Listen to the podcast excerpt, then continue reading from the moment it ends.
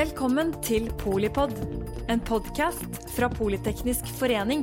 Et kunnskapsbasert medlemsnettverk for bærekraftig teknologi og samfunnsutvikling.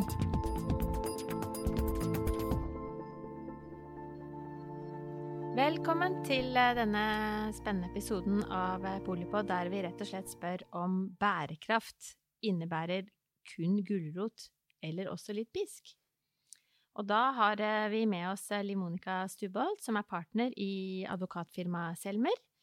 Vi har med oss Tone Sørfond Moe, som er fast advokat, også i Selmer. Og jeg er eh, Mette Vågnes Eriksen, jeg er generalsekretær her i Politeknisk forening, og jeg må jo innrømme med et kvart århundres fartstid innen bærekraft. Så hva, hva tilsier at det skulle bli så mye lettere nå, Liv Monica? Ja, du vet, jeg trodde det ville gå fortere fra bærekraft kom på dagsorden, til at det kom inn i mer forutsigbare former ved å få en juridisk forankring.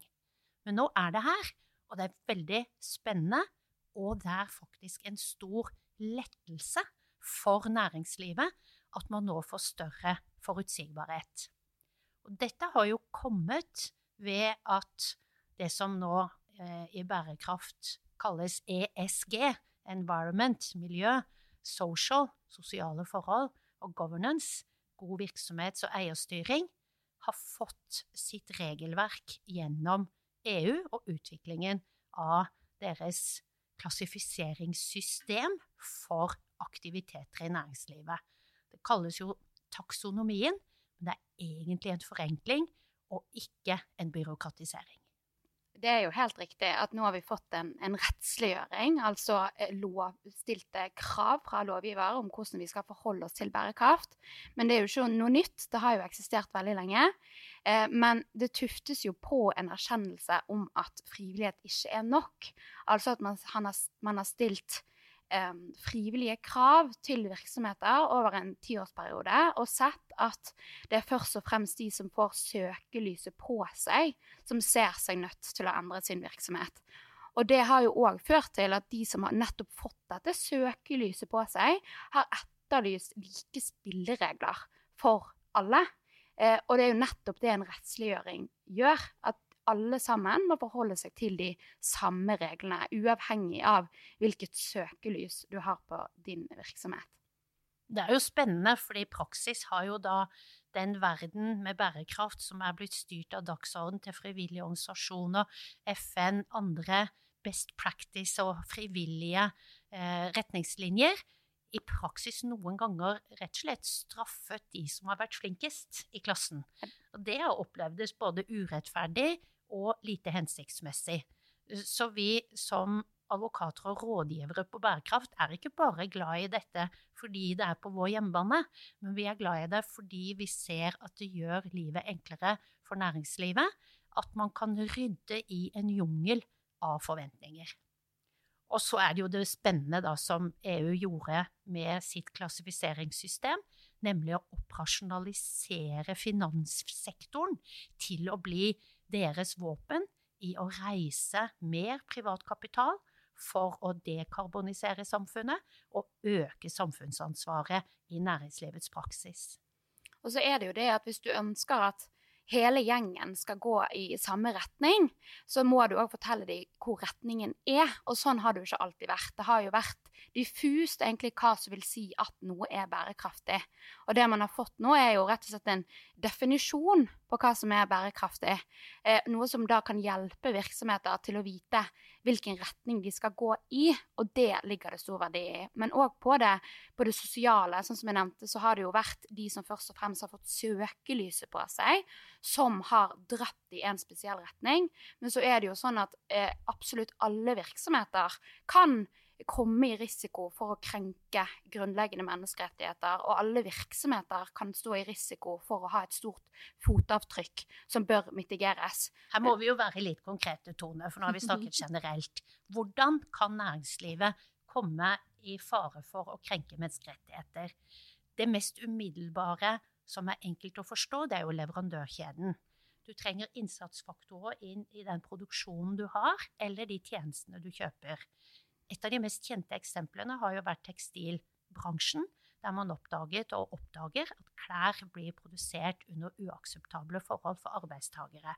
Et annet eksempel innenfor det grønne skiftet er jo hvordan både hydrogen, offshore og batteri trenger innsatsfaktorer som kan være produsert under uakseptable forhold, og uten at de landene der man finner disse mineralene, får sin del av gevinsten. Og det tredje kjente eksempelet, det går jo på eh, barnearbeid.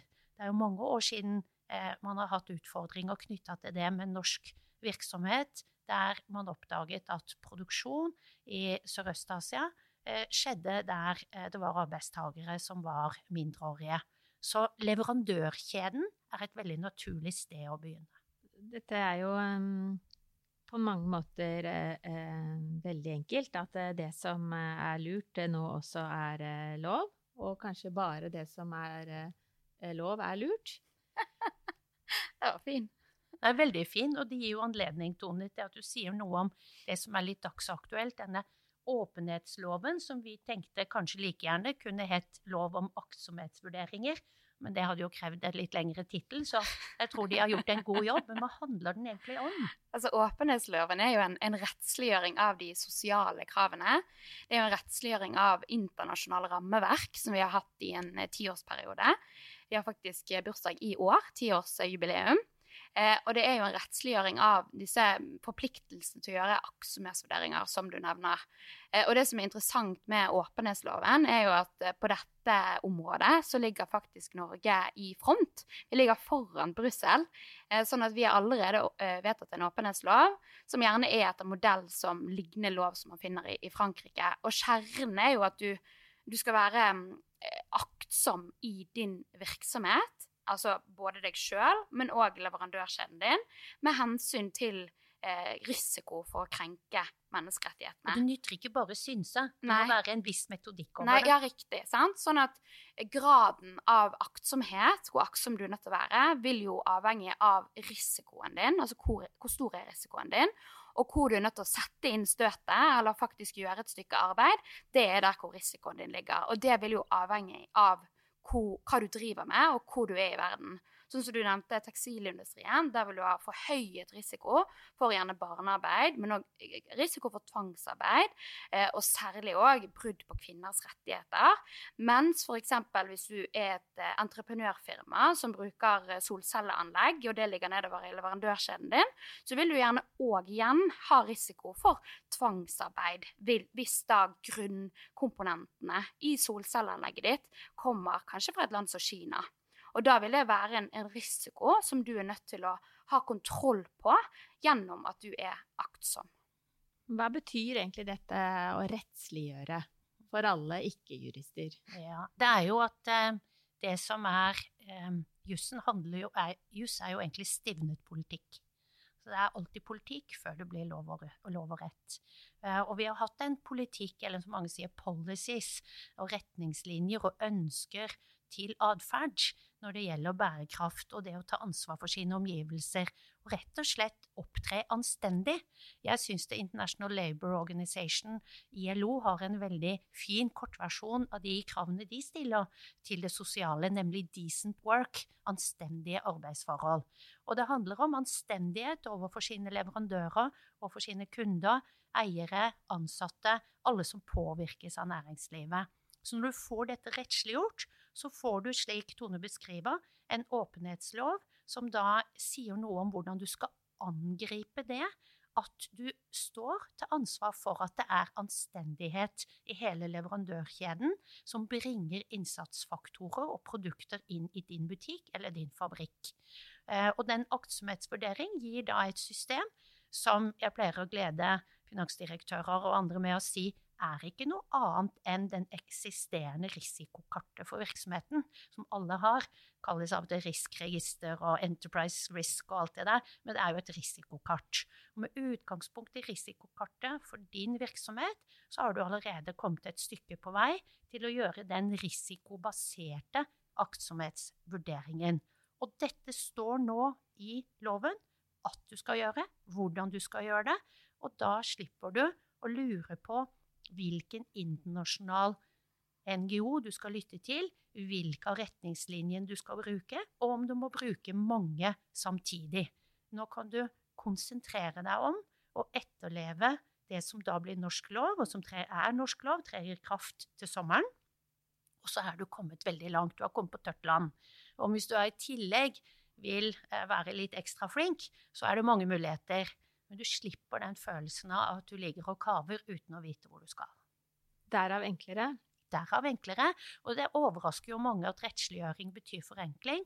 I dette området ser vi det veldig tydelig, fordi det er en konkurranse i dag om forskjellige standarder, forskjellige eh, måleverktøy og forskjellige rapporteringsrutiner. Du er jo en av våre ledende næringslivsledere, da, eh, Monica. Og du er eh, en ledende forretningsjurist. Eh, vi, vi, forstår at dette kan du ut og inn, men jeg blir veldig nysgjerrig når det er en som er Eh, veldig eh, ung og nesten uh, yngre enn min karriere i, innenfor feltet selv. Ikke sant? hvor kommer du fra, og hvordan, hvordan havnet du i, i, rett inn i forretningshusen? Det er et godt spørsmål. Jeg tar det jo egentlig først og fremst som et eh, kompliment. at det blir definert på den måten. Men jeg kom jo inn i, i forretningsverden med òg eh, menneskerettigheter, ansvarlig næringsliv som, som, bakteppe. Og så var jeg jo så heldig å, å dumpe inn hos Selma på Tjuvholmen. Jeg fikk lov til å jobbe med Liv Monica, som du sier er en av de mest erfarne på bærekraft.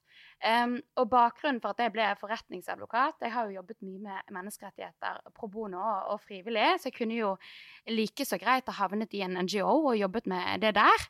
Men grunnen for at jeg ønsket å være forretningsadvokat, er jo at jeg er overbevist om at for at vi skal møte de utfordringene som verden per dags dato står overfor, så trenger vi næringslivet med på laget. Dette er utfordringer som ikke stater alene klarer å løse.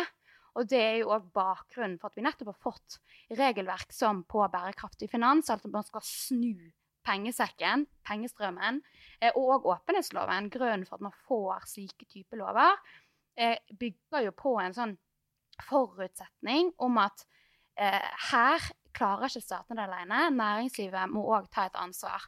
Og på den sosiale delen så blir det i hvert fall mm, veldig klart. Sant? For det at menneskerettigheter det har jo tradisjonelt sett i alle år vært en statlig forpliktelse. Men ved at man fikk disse retningslinjene på internasjonalt nivå, så snudde man litt på definisjonen og sa at ja, det er en statlig forpliktelse, men næringslivet de må òg ta sin del av ansvaret. Og det blir eh, satt på spissen når man er i land hvor man har et menneskerettighetsgap. Altså at man har en stat som enten ikke er villig til å overholde menneskerettighetene, eller som ikke evner å overholde menneskerettighetene. Eh, og erkjennelsen da er at næringslivet de står rett og slett i en mye bedre forhandlingsposisjon enn det mange stater gjør. For næringslivet de kommer til eh, utviklingsregioner eh, med, eh, med, og tilbyr arbeidsplasser, tilbyr vekst. Og med det så har du et forhandlingskort som du, hvor du òg kan, kan, verne om grunnleggende menneskerettigheter til ja, de mest svake blant oss. Det er jo åpenbart eh, eh risikoreduserende for deg selv også, selvfølgelig. Eh, ikke minst omdømmemessig. Absolutt. Mange har jo erfart hvor riktig det Tone sier, den tøffe veien ved at man får mm. svære oppslag eller kritikk fra eh, aksjoner og kampanjer som må jobbe målrettet med sin sak, og som identifiserer næringsliv som de kan utfordre. Eh, og det kan av mange oppleves som både hardt og urettferdig når det skjer, men de fleste som kommer gjennom det, tenker én, dette skulle jeg ha tenkt på før, to, det bidro til at vi ble et bedre firma. Det er jo nettopp tankegangen om at du må ha en, en license to operate. Sant? Det er jo der, der, man gjerne har funnet knaggen sin, og det har vært frivillig over en lang periode. Og det at du må tenke langsiktig. Og Hvis ikke du klarer å ha dette i mente før det går galt, så ser du i etterkant at med dette burde vi jo hatt på tapetet. Men det som er så gøy, er jo hvordan dette er forankret i norsk næringsliv med mange hundre års fartstid. Dette er pietisme, dette er haugianisme, dette er forankret i den norske legmannsbevegelsen, der det å være entreprenør var å gjøre Guds arbeid. Nå må vi gjøre det uten Gud. Eh, det vil si, vi har han nok med oss, det er ikke det. Men eh, uten at det identifiseres, identifiseres som en del av en religiøs praksis, så stikker dette veldig dypt i norsk næringsliv. Vi kan se på Norsk Hydro, vi kan se på bedrifter som har tatt et særlig ansvar, vært tidlig ute og gir rettigheter til ansatte, boliger, muligheter til å leve nettopp et anstendig liv. Og så jobber jo jeg en del med både energi, men også sjømatvirksomhet. Dette er veldig ofte familieeid virksomhet som tar et stort ansvar for sitt lokalmiljø. For arbeidstagere, for eh, lokale butikken, lokale bakeriet og lokale eh, fotballklubben. Og som sier det er helt uaktuelt å flytte hovedkontor fra vår øy inn til nærmeste store by, for vi har et ansvar for våre umiddelbare omgivelser. Dette går rett inn i S-en i ESG. Og jeg syns det er en selvstendig oppgave å ta bort det forhenget av forvirring som ligger i alle bokstavene, og fortelle folk at store deler av norsk næringsliv ligger langt foran fordi vi har visst og vist at vi tar ansvar for vårt lokalmiljø. Eh, norsk næringsliv ligger eh, garantert langt foran når det kommer til ansvarlig næringsliv. Og, og, mye av bakgrunnen for det er jo gjerne det regelverket som vi allerede har. Altså Vi har jo et HMS-regelverk som verner om grunnleggende arbeidstakerrettigheter allerede. Eh, og aktsomhetsloven, eller åpenhetsloven, er jo rett og slett bare et premiss om at dette skal du ta med deg òg til utlandet. Og de aller fleste norske virksomheter gjør jo allerede det. Det var jo slik at eh, Norge la jo den første stortingsmeldingen om CSR på bordet i verden. Og jeg var kry og stolt for å være en del av det når Utenriksdepartementet på slutten av eh, 2009 la fram en stortingsmelding om forventningene til næringslivets aktiviteter i utlandet. Og det eh, var den første gangen at man fikk en eh, dialog mellom offentlig og privat sektor.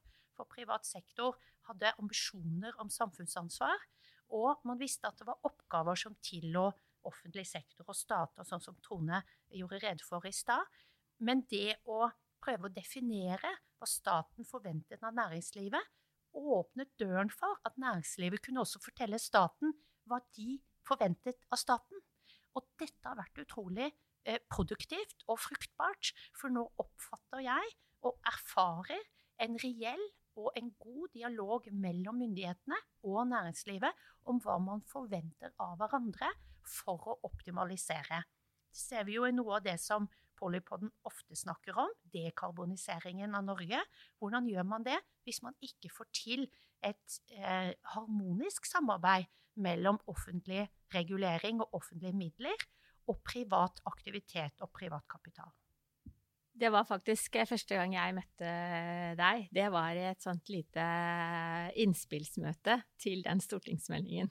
Så det Det, det husker jeg, og det var gøy. Det var gøy, og det ja, og det var jo eh, det du ikke sa, men som jeg opplevde som veldig førende eh, fra den dialogen og, og, senere, er jo rett og slett det å, å gjøre det til konkurransefortrinn for de beste. og dermed driver for innovasjon. Enten det er teknologiutvikling eller virksomhetsutvikling. Da. Ja, nettopp. Og bærekraft er jo desidert et konkurransefortrinn. Eh, og det som vi ofte sier, er jo at nøkkelen er å, å ta nå disse rammeverkene som du får, bruk det som et verktøy til å optimalisere egentlig de rutinene og retningslinjene som du allerede har på plass. Men ta det ett skritt lengre og bruk den oppskriften som du nå har fått fra Stortinget. Eh, og det vil gi deg et konkurransefortrinn. men forutsetning er jo òg at du da klarer å gjøre det virksomhetsnært. Altså at du klarer å ta inn over deg disse reglene og implementere det ikke bare i gjerne compliance-rutinene dine, men òg i forretningsstrategien din. Hvor skal din virksomhet langsiktig videre?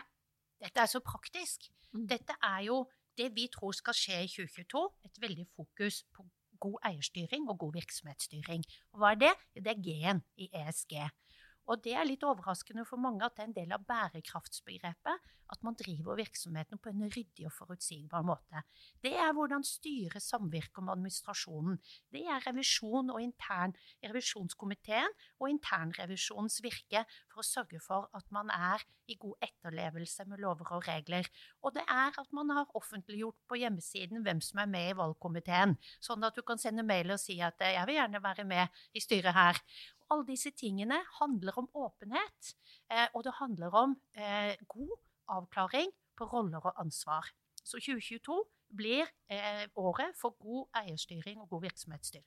Det blir det absolutt. Og nå forventer man jo òg et nytt lovforslag fra EU-kommisjonen som nettopp går på eh, corporate governance, altså i kjernen av eh, god eierstyring.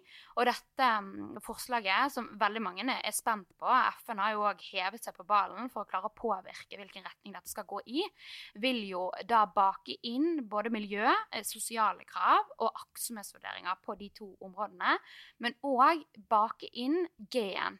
På grunn av at eh, det man gjerne tenker, er at forutsetningen din for at du skal klare sosialt og miljø, er at du har G-en din på plass. Altså at du har god, ansvarlig eierstyring. Og gjerne òg åpenhet. Og sånn sett så gir jo egentlig åpenhetsloven og sitt navn egentlig litt mer verdi og forståelse for. Ja. Jeg tror vi skal gi den tommel opp likevel. Jeg tror det. Tittelen der.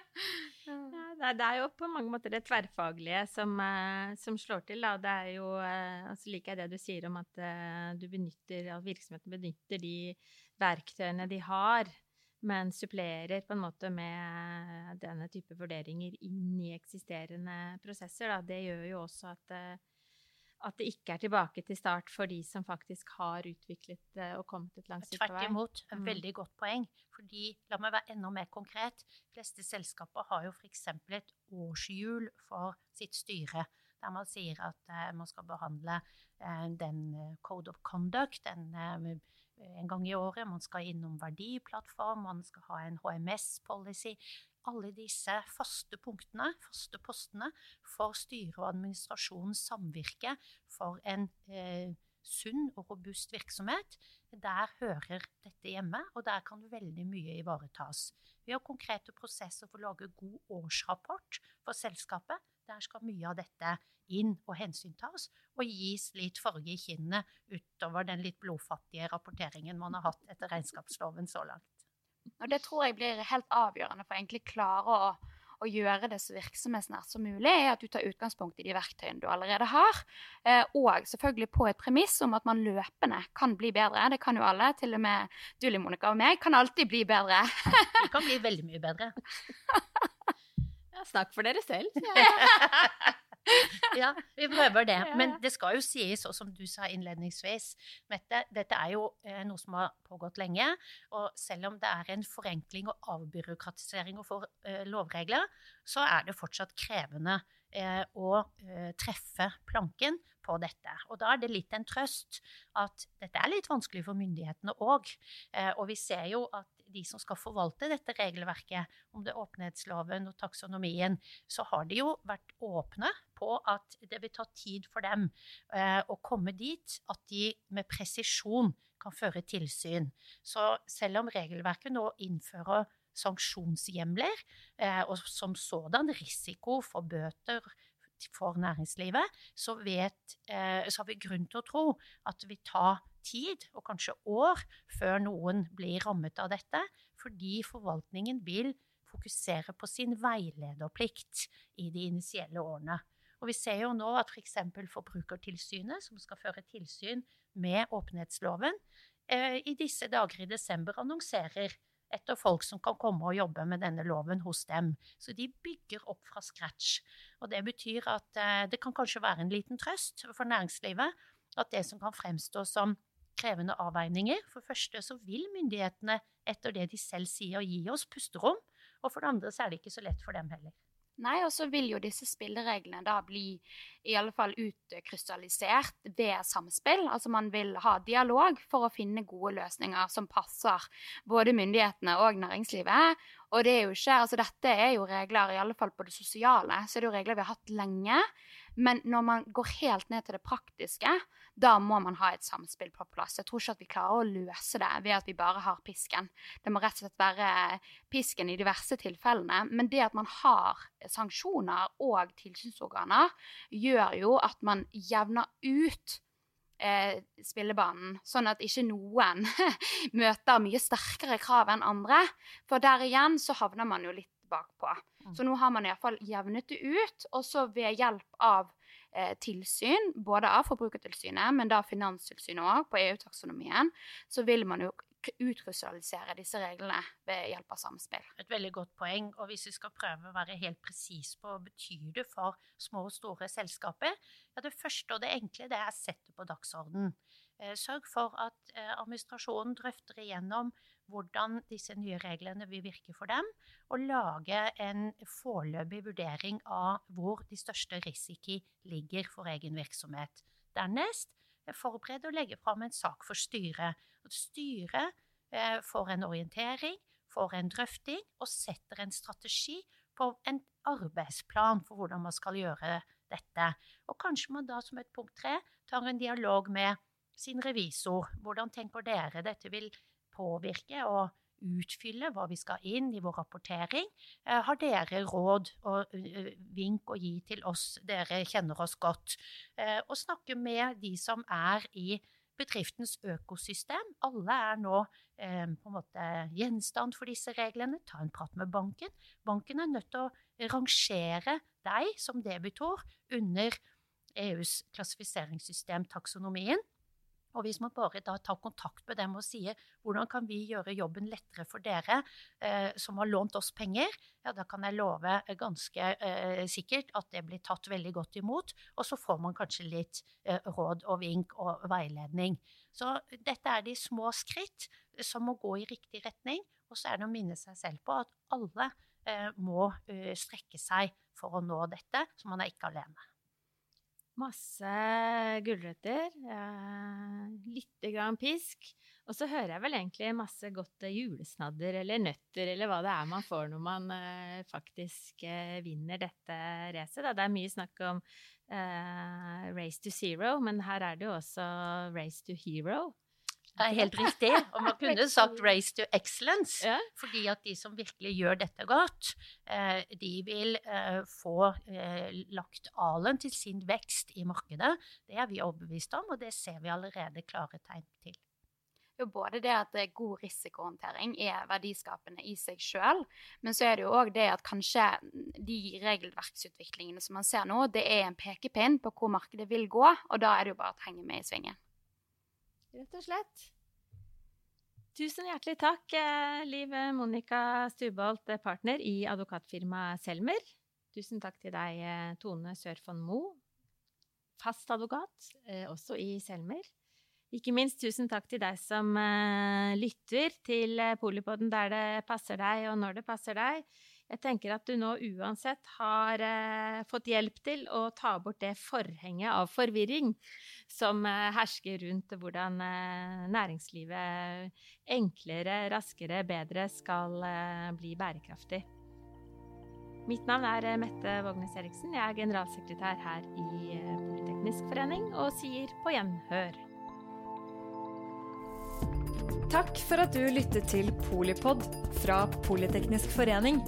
Få med deg flere episoder, eller bli med på nettverksmøtene som du finner på at polyteknisk.